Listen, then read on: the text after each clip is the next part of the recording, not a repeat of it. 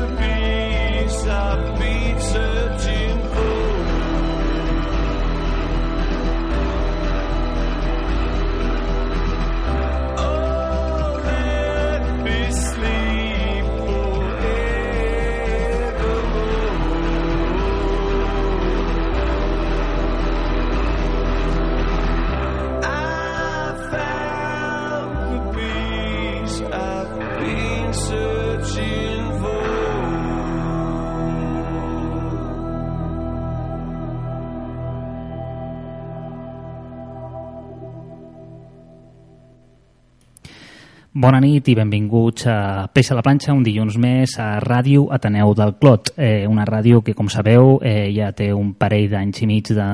de... T'estàs equivocant, de... aquest és el meu, molt bé. De... Tenim un tècnic de so aquí de, de, de sorpresa, que és el nostre director de la ràdio, el Joan Santaló, que és el que no se'n refia en el programa i ve a controlar-lo, a veure què és el que dic i el que deixo de dir. En tot cas, com ja, que, ja que tenim aquí, farem un programa suau a nivell de comentaris sarcàstics o antisistema. Però en tot cas, eh, més enllà d'això, recordeu-vos que avui és 22 d'abril, és un dilluns ja que comença a ser força càlid, el dia s'allarga i això ens recorda que la primavera barcelonesa, la primavera catalana, té un dia d'esplendor per sobre dels altres, que és el dia de Sant Jordi. El dia de Sant Jordi, que és el 23 d'abril, que és demà, És un dia molt celebrat a totes les ciutats i poblacions de Catalunya, amb el qual els nois regalen una rosa a les noies i les noies regalen un llibre als nois, tot i que això de vegades pot anar d'aquella manera i els nois s'acabin regalant també un llibre, no? però en tot cas és un dia remarcable, un dia de festa al carrer, un dia que s'ha parlat molt en els últims anys que fos festiu, jo penso que és una gran equivocació perquè en el fons el dia de Sant Jordi es treballa a migdia, no? que és el que s'acostuma a fer perquè per la tarda tothom surt a passejar amb la parella, amb la família, amb els amics, acostuma a ser un dia assolellat, un dia de primavera, d'aquell color tan peculiar que té la ciutat de Barcelona i comprar arròs a la persona estimada o, als, o, a les o a la família, a les mares, a les germanes i buscar un llibre, per què no, i fer l'acte tan noble i tan bonic que és l'acte de llegir és una festa nacional que ja li agradaria a molts, a molts pobles tenir-la. Per tant, visquem-la amb tota l'alegria que això comporta, visquem-la amb roses, amb literatura, amb un bon vi, amb cervesa, amb els companys, donem voltes pel carrer perquè demà serà un dia de festa amb el qual l'alegria estarà per tot arreu i passeu de tot de les llistes dels més venuts, perquè aquests no són els millors llibres.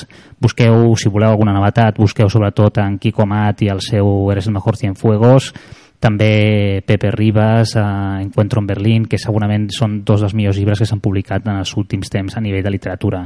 Altres temes com el de política o situació actual de l'economia haureu de sentir l'Open Mà cada dimecres que llavors segurament us sabran recomanar quin tipus de llibre si esteu interessats en l'economia i amb la política pot, eh, pot interessar-vos. En tot cas, parlant de programes i parlant de Ràdio Doneu del Clot, doncs hem de donar la benvinguda a, un, a la nostra família, a la nostra petita i humil família, a un nou programa i ens fa molta il·lusió perquè és un programa fet per estudiants, estudiants d'universitat, serà un programa molt curtet que durarà mitja hora i s'emetrà cada dimecres de 10 a 10 i mitja. Segurament comencen amb mitja hora perquè bueno, omplir un programa d'humor eh, no és fàcil i si estan molt guionitzats sobretot, però no descartem que a la llarga, quan es sentin més còmodes, ampliïn a una hora. Aquest programa es dirà Generació Perduda i s'emetrà, com dèiem, cada dimecres a Ràdio Teneu del Clot, ja sabeu, a teneudelclot.com barra ràdio per sentir-lo en directe i allà també teniu el blog per, per passar-vos després els podcasts i bueno, el fan universitaris i parlen una mica des d'aquesta visió de l'estudiant no, que s'ha trobat amb aquesta puta crisi que tot ens afecta no, amb bon sentit de l'humor i pensem que és un programa molt recomanable i tot el que sigui humor sigui benvingut, sobretot a les ràdios, que és un lloc, un espai on es pot fer amb, de manera adequada i a Ràdio Tenor del Clot ens feien falta aquest tipus de programes. En tot cas, eh, nosaltres fem un programa de música cada setmana, intentem, no sempre és possible, perquè la situació és la que és, però, però intentem, mm, últimament, en els últims programes, ja destacar-nos més per al tema de les novetats que estan sortint en aquests últims dies a, a les botigues de discos o a les botigues online o bueno, de Pirate Bay, on on aconseguiu els discos. En tot cas, avui començàvem el programa amb Angel de Depeche Mode del seu últim LP del 2013, Delta Machine. Què podem dir de Depeche Mode? Doncs, bueno, a banda de que és una, un grup de culte que ve des de principis dels 80, des de l'any 1981 per ser exactes, en aquest 2013 ens porten eh, la tercera la tercera part d'una trilogia que han composat, eh, que han fet, han publicat discurs amb el productor Ben Hillier aquest Delta Machine ens trobem un so més, més agressiu, mm, no trobem els Depeche Mode de sempre, tot i que en els últims temps el seu so s'havia tornat, tornat més fosc. Aquí ja trobem ja, diguem el cènit d'aquesta època. És uns Depeche Mode que sonen a Depeche Mode, això està molt bé, però que han buscat una nova manera d'expressar-se, amb altres sonoritats. Eh, aquí els sintetitzadors i els loops van, van, van volant, eh, cada vegada són més diferents, més sorprenents, i la temàtica i l'atmosfera de les cançons cada vegada són més fosques. Segurament aquest Angel, que em sembla que és el primer single d'aquest de, Delta Machine, és un bon exemple de per on van els tiros. Els amants de Depeche Mode segur que s'ho agradarà. I per la resta, segurament no és un àlbum, un àlbum excel·lent, però si voleu fer una entrada i veure que hi ha gent que encara té coses a dir tot i tenir 30 anys de carrera, doncs és un, un, una bona recomanació. I ara a continuació també parlem d'un grup que ve de lluny i que fa 22 anys que no treu un disc, des de l'època del Nevermind, per entendre'ns i eren molt joves, llavors tenien 20-21 anys i han estat 22 anys en silenci, cosa que ens ha sorprès a tots perquè és una gran banda, estem parlant de My Bloody Valentine i han tret aquest, en aquest 2013 una tornada, tot i que el 2008 em sembla, la primera Sound es van deixar anar com per recordar eh, van tocar el Loveless, que va ser el seu últim disc un disc que ha marcat un, moltíssim l'escena del rock independent a, a Estats Units i al món anglosaxó per la seva experimentació en guitarres. Aquest My, Bloody Valentine de la 2013 treu un disc que s'anomena MBV, de fet les inicials en minúscules de My Bloody Valentine. Tornen a ser un disc ple d'experimentacions guitarrístiques, molt treball de producció, però jo crec que amb un resultat molt remarcable. Aquí el sentirem a continuació amb New You, que és segurament la seva cançó més accessible. Us ho dic perquè algun és bastant dur.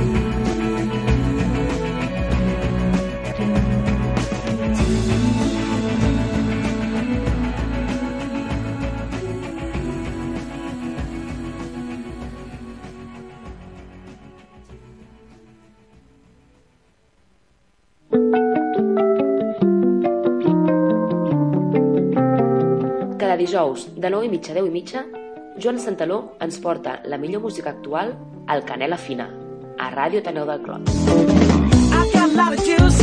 I need to put to use. Let's burn this highway down.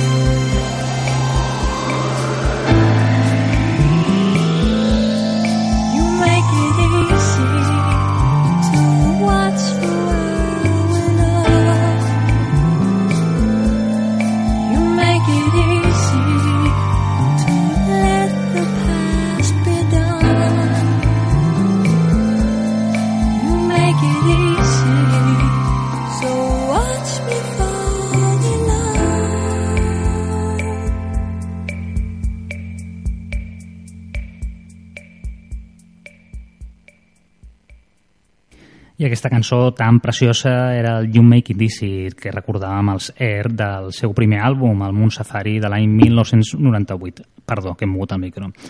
Doncs aquest primer LP d'Air, la famosa banda de francesa d'electrònica pop, eh, Air, que recordem que són les inicials d'unes paraules que volen dir amor, imagination and rev, somni.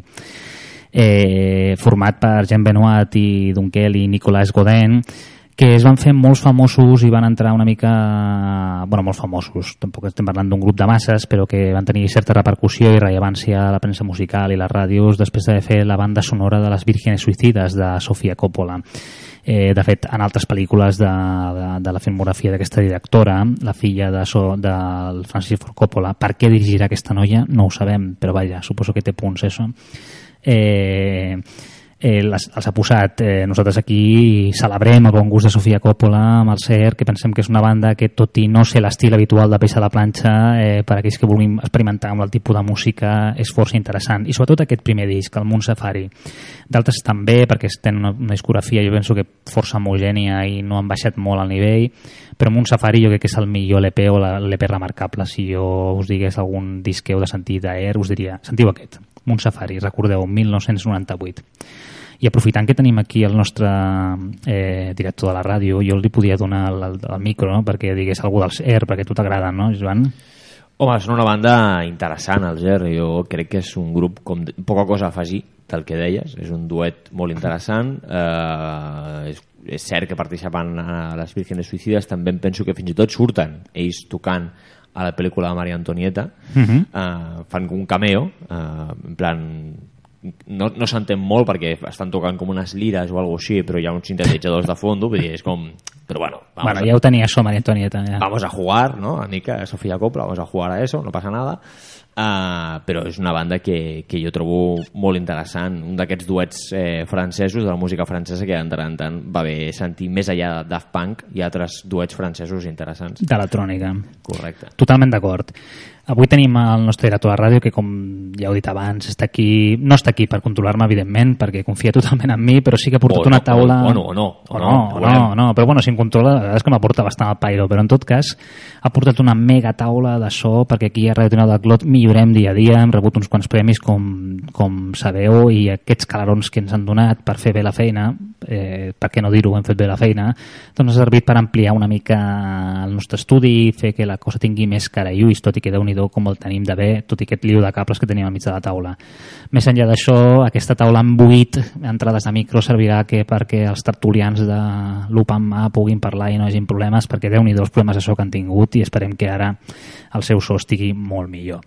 Més enllà d'això, de que el Joan estigui aquí muntant la taula de so, mm, està per aquí perquè tard o d'hora parlarem de fer un programa junts i això ja ho sentireu segurament, serà de cara a la temporada que ve, però, però una inquietud similar per la música i per treballar junts ens portarà segurament a, a, a fer un programa a mitges que sempre tenir una persona amb que dialogar en ràdio t'ajuda perquè està aquí sol davant del canó quan plega la cançó aquí a les 9 i mitja de nit tu sol un dilluns tancat a l'estudi de Tonal del Clot doncs home, queda una mica tot bé, però no és el que, no és el que prefiero hacer tota mi vida, no? I llavors buscar compartir aquest espai radiofònic amb algú doncs és una sortida força agradable per continuar fent ràdio.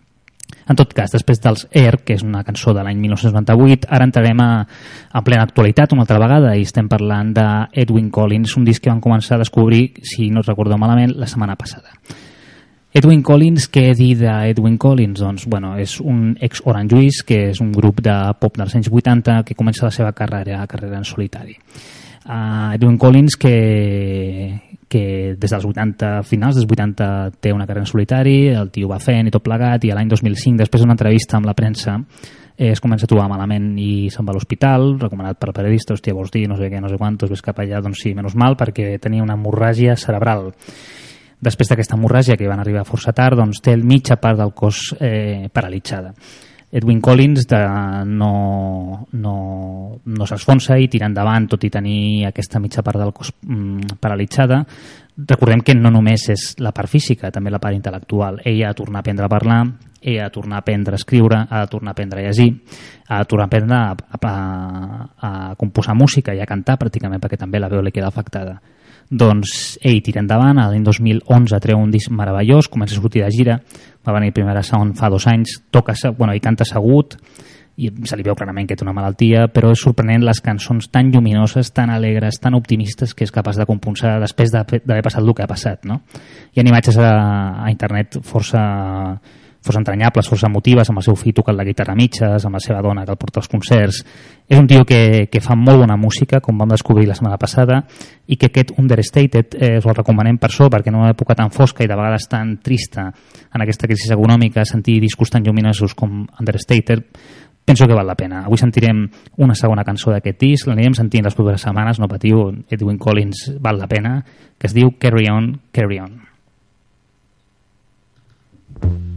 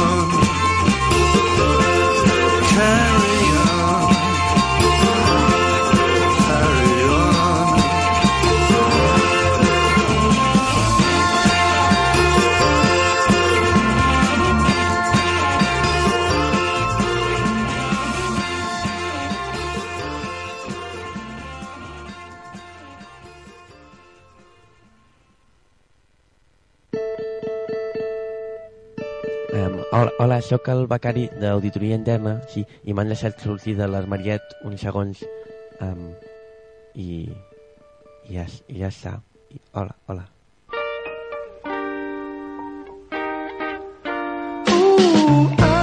Cada 15 dies, els dimecres, de 8 a 9, ens podeu escoltar a Auditoria Interna. L'empresa més auditada de la ràdio catalana. Una empresa rara de collons.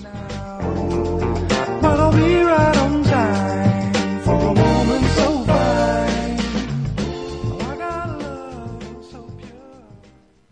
Gràcies.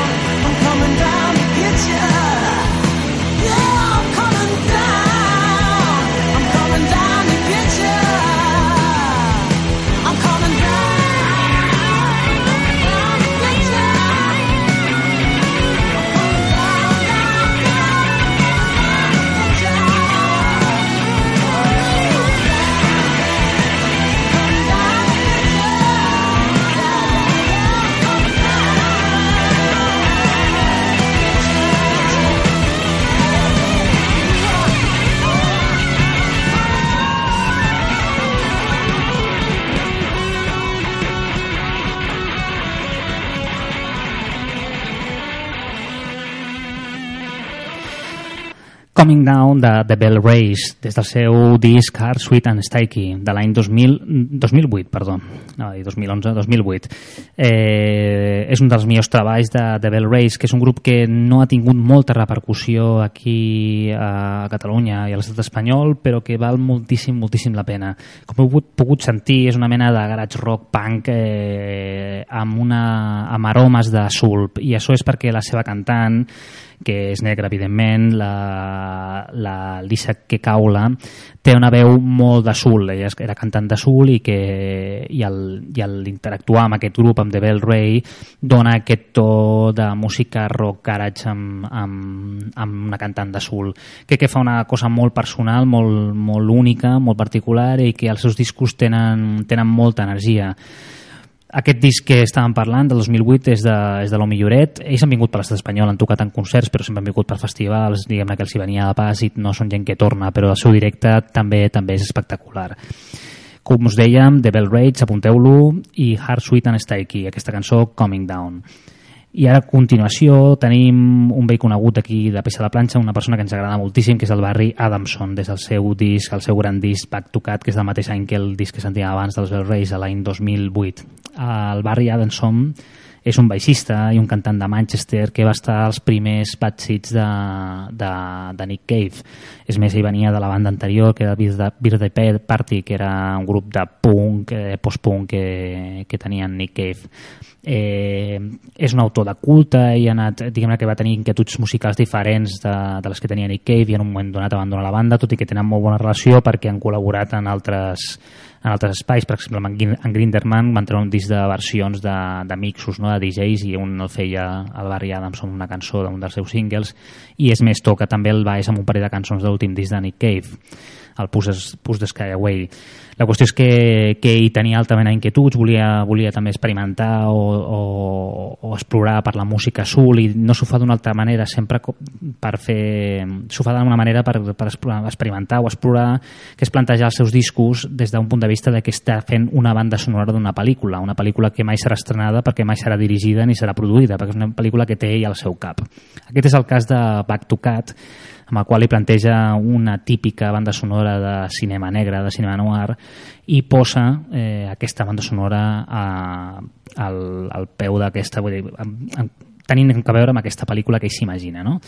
I nosaltres posarem una cançó avui que es diu People. Jo no sé en què pensava, si això era ben bé noir o música per una pel·lícula de cinema negre, però en tot cas és una cançó que ens dona molt bon rotllo i que avui no podíem deixar de posar. Us deixem amb ella. People.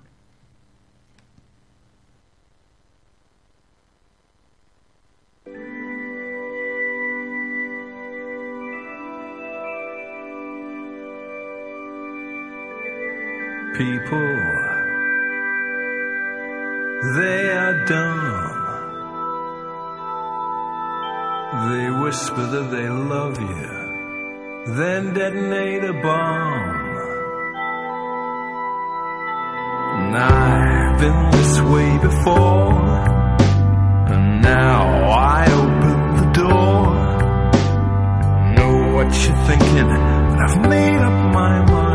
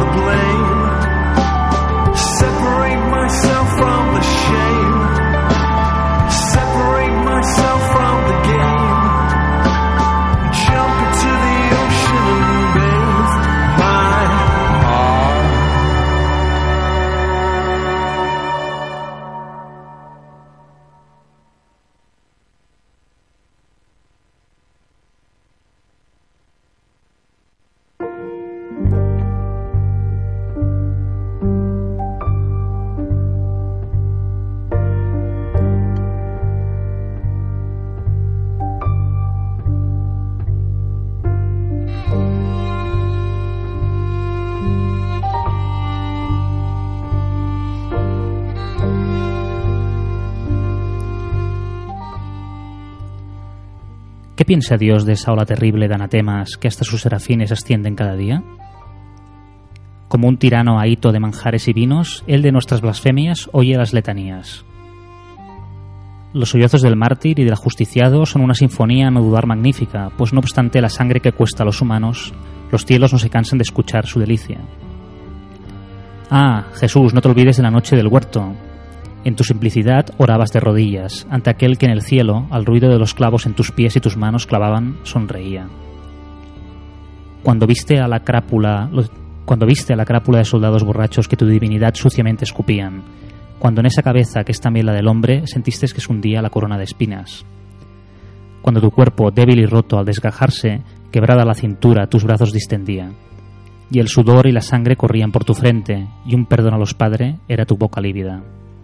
¿Recordabas los días luminosos, tan bellos, en que fiera la eterna promesa parecía sollando los caminos, alfombrados de flores, de palmas, de ramajes, en una mansa asnilla?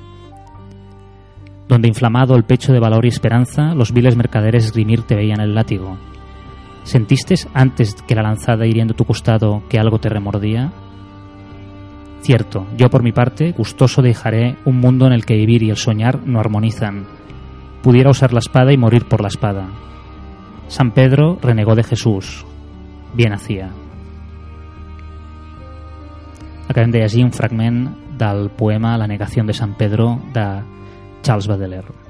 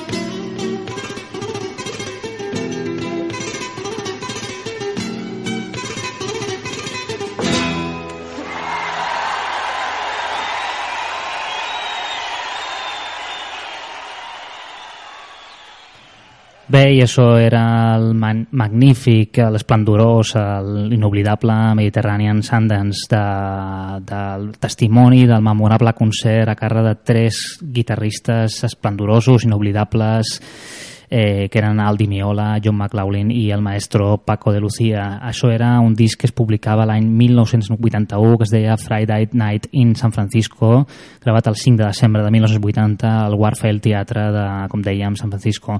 Va ser una trobada de tres guitarristes, dos que venien del món del jazz, eh, John McLaughlin, eh, alumne de Miles Davis, i el Di Meola, un altre virtuós de la guitarra del jazz, i el maestro Paco de Lucía, que, que van fer un disc meravellós, esplendorós i una trobada de tres guitarristes que treguin aquest disc tan bon directe és difícil de, de recordar.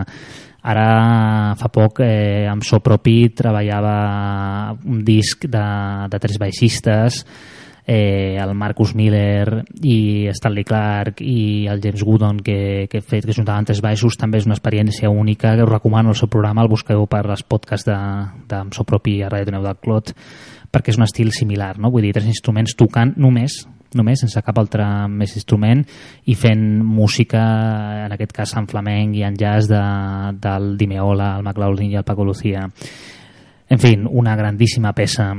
Jo, aprofitant que tinc aquí també ara en Joan Santaló, jo voldria parlar-li de Sant Jordi, no? del dia de demà, que és un dia molt especial. Jo sé que, que el Joan ho viurà molt bé, perquè és una persona que li agrada sortir al carrer, disfrutar de la vida, dels petits detalls i, i no sé, quin llibre has pensat a comprar-li demà a la teva parella, Joan? Ui, això dels llibres de parella és complicat, eh? Jo crec que la Marta no ens està sentint, per tant, si ho dius, igual... No, igual no, cola. no, la Marta no crec que ens estigui sentint. A més, la, la Marta ha fet uns gustos eh, de lectura eh, que s'ha de fer aquell, aquell, eh, aquell acte de parella que és fer de tripes corazón, acceptar que la teva parella té uns gustos diferents als teus. Ui, estàs parlant de novel·la romàntica? Estic parlant d'una novel·la romàntica que comença per una xifra eh, eh, que està entre el, ze- entre el 0 i el 100, aquí distant, just al mig, vale? i que s'ha lle- s'ha llegit la primera i vol llegir-se la segona i la tercera. Ui, va.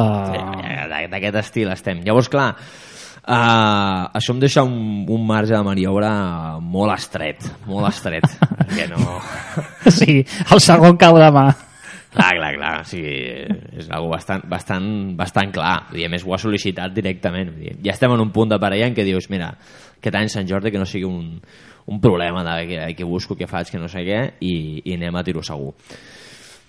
Llavors, clar, doncs a, mi, a mi que no m'acaba de, de, convèncer la idea, doncs és possible que, que opti per, per una solució més salomònica, intermitja, que és dir, vale, yo te, te compro el libro que quieres, però apuesto por algo más. No? A veure, Ara, faig un ara, segon, aquí faig sí, un segon senyor. llibre i aquí... No esperava menys a tu. Ja anem a jugar una altra història.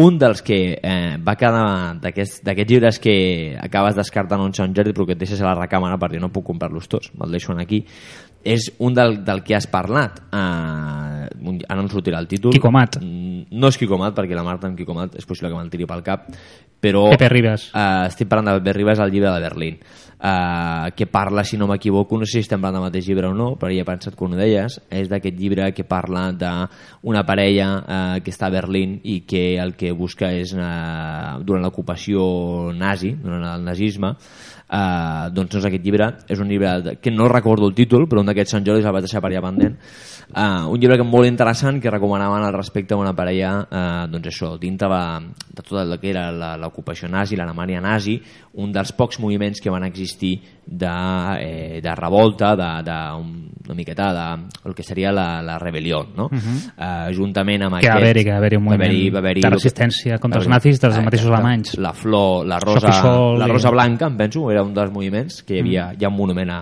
a Múnich que ho recorda, la Universitat d'Arquitectura, i, i aquest parla d'un matrimoni eh, a Berlín i de la seva relació amb aquest, amb aquest eh, moviment i de com això els hi canvia com a parella, com els afecta personalment i crec que era molt interessant. No recordo el títol ni l'autor, però és d'aquests que vaig deixar en la recàmera amb un Sant Jordi. Aquest pot ser una opció a recuperar. No, no, i tant. No, aquest que deia jo de Pepe Ribas és, és eh, connexió, Encuentro en Berlín, perdona. Pepe Ribas és una persona que tard o d'hora haurem de portar programa parlant amb ell. Per què? Perdona, Joan? Ara tinc el títol. Solo en Berlín. No Solo en s'encuentra Berlín, Solo en recordeu. Berlín. El llibre, l'altre llibre que et comentava era Encuentro en Berlín, del Pepe Ribas, que Pepe Ribas és una persona, un agitador cultural, un veritable activista cultural de la Barcelona de la transició, és a dir, no, no seria el mateix la Barcelona cultural sense ell.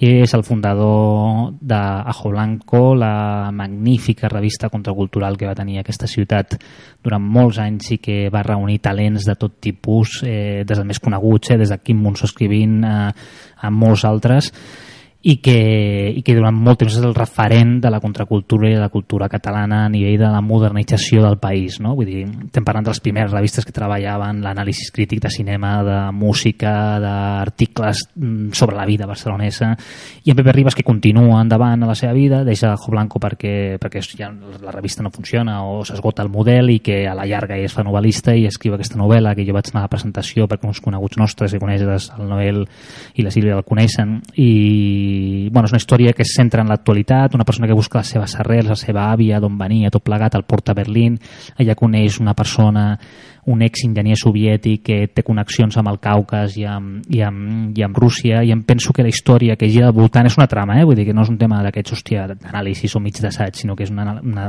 trama jo crec que endimoniada que va passant ràpid i que la gent, el lector s'enganxa eh, el porta a descobrir aquest món per nosaltres molt secret que és el centre Europa no? que sembla que quan parlem de, de, de França cap a dalt és Alemanya i poca cosa més no? aquestes relacions que té amb els països de l'ex-Unió Soviètica i que realment fan gairebé una unitat cultural germànica no? o centre-europea en fi, és un dels llibres que recomanem des d'aquí a la planxa i l'altre, com dèiem, és El mejor Cienfuegos de Kiko Amat. Penso que és un llibre meravellós. Un, el, el Kiko Amat és un gran novel·lista, escriu molt bé. A més a més, és un gran fan de la música eh, dels 60, del sul britànic i, i un complet erudit d'aquest tipus de música, un tio que sap transmetre també molt bé, amb molta passió, allò que li agrada, el que li agrada també ho deixa pel terra i també ho fa amb molta passió i, i, i que ha fet molt bones novel·les com Rompepistes, coses que hacen boom i que ara torna a la càrrega. Estarà signant demà eh, llibres eh, per la ciutat de Barcelona. Hi ha molts escriptors que estan signant. Recordem que, que aprofiteu el dia de Sant Jordi. Segurament molts de vosaltres sentireu aquest podcast passat el dia de Sant Jordi si l'heu aprofitat fantàstic. I si no, doncs mira, fins les 20 fins l'any vinent no?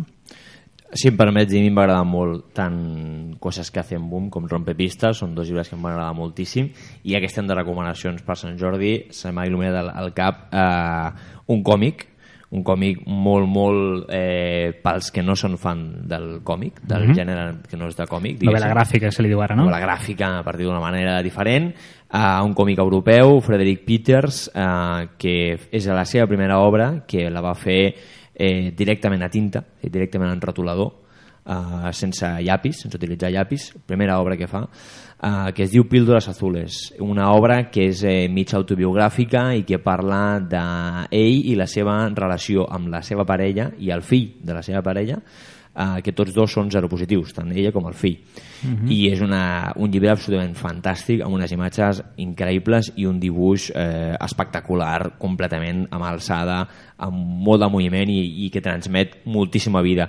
Un llibre que no és gens melodramàtic, sinó que és superpositivista, supervitalista i que per aquells que no els agradi molt el gènere còmic i es pensin que només hi ha tios amb malles, doncs és una recomanació molt guai.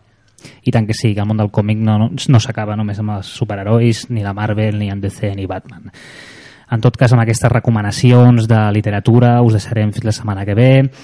També, per què no, a última hora i tenim una mica de temps, eh, una mica de temps estem passant, però és igual perquè és l'últim programa de la, de la greia d'avui, eh, també dir-vos que si demà passegeu per la ciutat i trobeu uns nois que, que són d'un agrupament escolta, que són d'un esplai, que estan venent roses, que estan demanant una mica d'aportació pels campaments d'estiu, doncs, bueno, escolta, mira, compra-li compra amb ells perquè tenen roses molts d'ells de molta qualitat.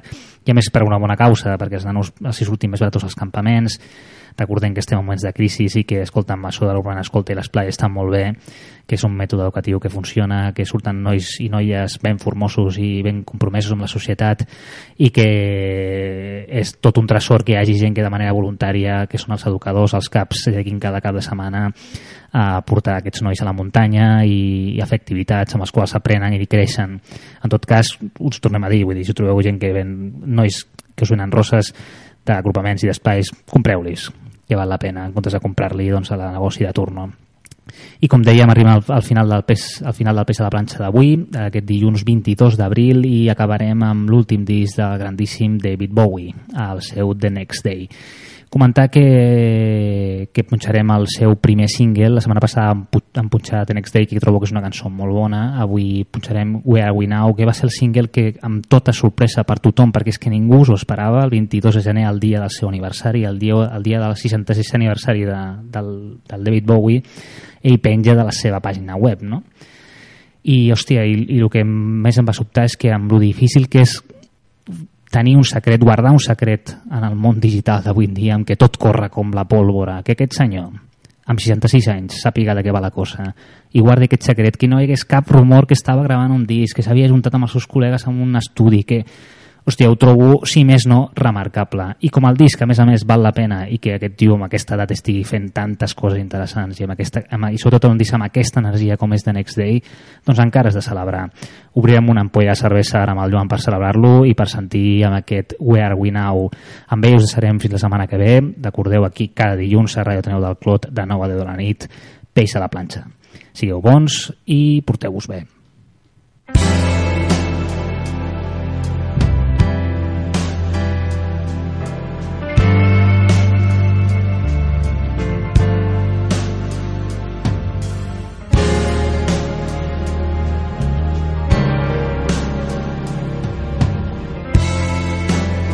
Had to get the train from Potsdamer Platz.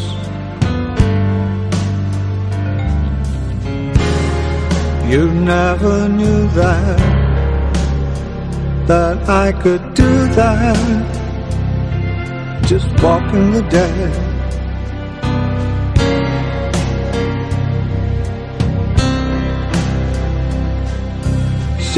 The jungle on Nürnberger Straße.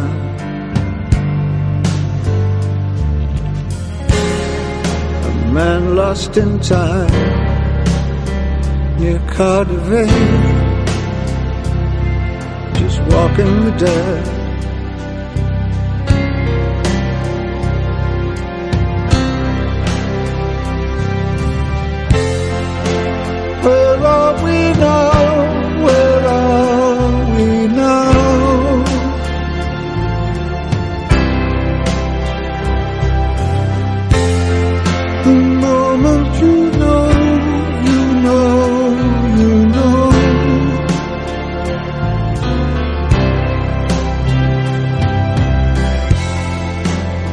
Thousand people crossbows and Buka.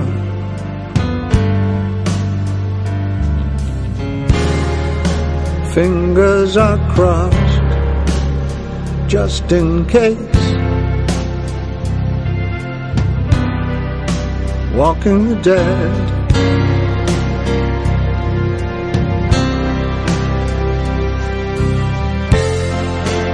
Where are we now? Where are we now?